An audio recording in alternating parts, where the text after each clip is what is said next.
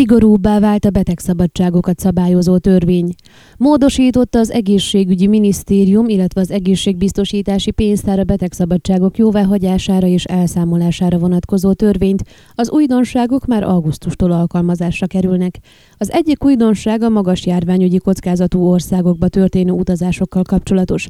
Amint arról a Hargita megyei egészségbiztosítási pénztárnál tájékoztattak, Amennyiben egy ország vagy térség vörös besorolás alá tartozik, például a koronavírus vagy bármilyen más járványügyi biológiai kockázat miatt, és a figyelmeztetések ellenére mégis elutazik oda magánútra egy román állampolgár, akkor csak öt nap fizetett betegszabadságot kaphat, amennyiben karanténba kerül a hazatérésekor. Egy kéthetes karantén esetén így a fennmaradó kilenc napra nem kap táppénzt. A gyakori megbetegedések esetén az orvos által jóváhagyható betegszabadságokkal kapcsolatban is vannak változások. E hónaptól első szakaszban az eddigi 10, illetve sürgősségi esetben 5 helyett csak 4 nap betegszabadságot hagyhat jóvá a házi orvos, amelyet szükség esetén meghosszabbíthat 7 napra. Ha a biztosított ez idő alatt nem gyógyul meg, szakorvoshoz küldi házi orvosa. A szakorvos első fázisban legfeljebb 15 napig terjedő betegszabadságot hagyhat jóvá, amit legfeljebb 30-31 napra hosszabbíthat meg, de az adott betegségre elszámolt betegszabadság nem haladhatja meg a 90 napot évente.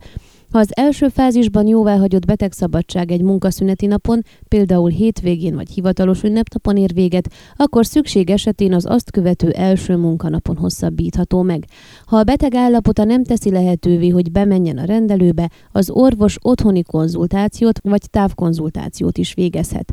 Ha az első fázisban jóváhagyott betegszabadság végén a páciens nem keresi fel a rendelőt állapotának felmérése érdekében, vagy ha időközben felépült, a kezelő orvos nem nem hosszabbítja meg a betegszabadságot. A betegszabadság meghosszabbításához szükséges rendszeres állapotfelmérési kötelezettség egyes betegségekre nem vonatkozik, például a szív- és érrendszeri betegségekre, az écre, daganatos betegségekre, illetve tüdőtuberkulózisra, a sürgősséggel elvégzett sebészeti beavatkozásokra, valamint számos fertőző betegségre, főként olyanokra, amelyeknél a beteg elkülönítésére van szükség, továbbá akkor sem állapotfelméréshez kötött a betegszabadság meghosszabbítása, ha a páciens kórházban ápolóban fekvő beteg.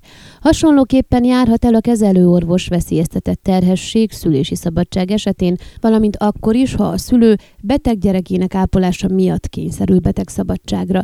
Ezzel kapcsolatban a Hargita megyei egészségbiztosítási pénztárnál arra is emlékeztettek, hogy augusztus 1-től a súlyos betegségben szenvedő gyereküket ápoló szülő gyerekük 18 éves koráig jogosultak fizetett szabadságra, nem pedig 16 éves koráig, ahogyan eddig volt.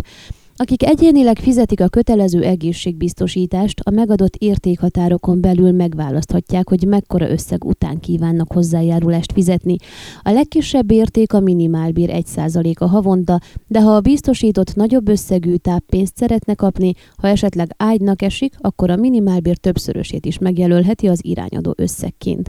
A felső értékhatár mindeddig a minimálbér 12-szerese volt, ám ez is megváltozott e hónaptól.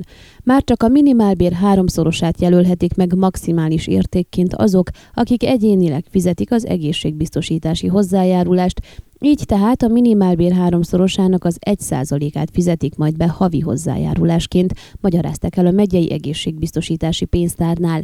Egyetlen kategória képez kivételt a korlátozás alól, a szülési szabadságok esetében továbbra is a minimálbér 12-szeres a választható felső értékhatár. A Hargita megyei egészségbiztosítási pénztárnál arra is felhívták az egészségbiztosítást egyénileg fizetők figyelmét, hogy az említett törvénymódosítás miatt szeptember 1 -e előtt új szerződést kell kössenek a megyei egészségbiztosítási pénztárral. Ön a Székelyhon aktuális podcastjét hallgatta. Amennyiben nem akar lemaradni a régió életéről a jövőben sem, akkor iratkozzon fel a csatornára, vagy keresse podcast műsorainkat a székelyhon.pro portálon.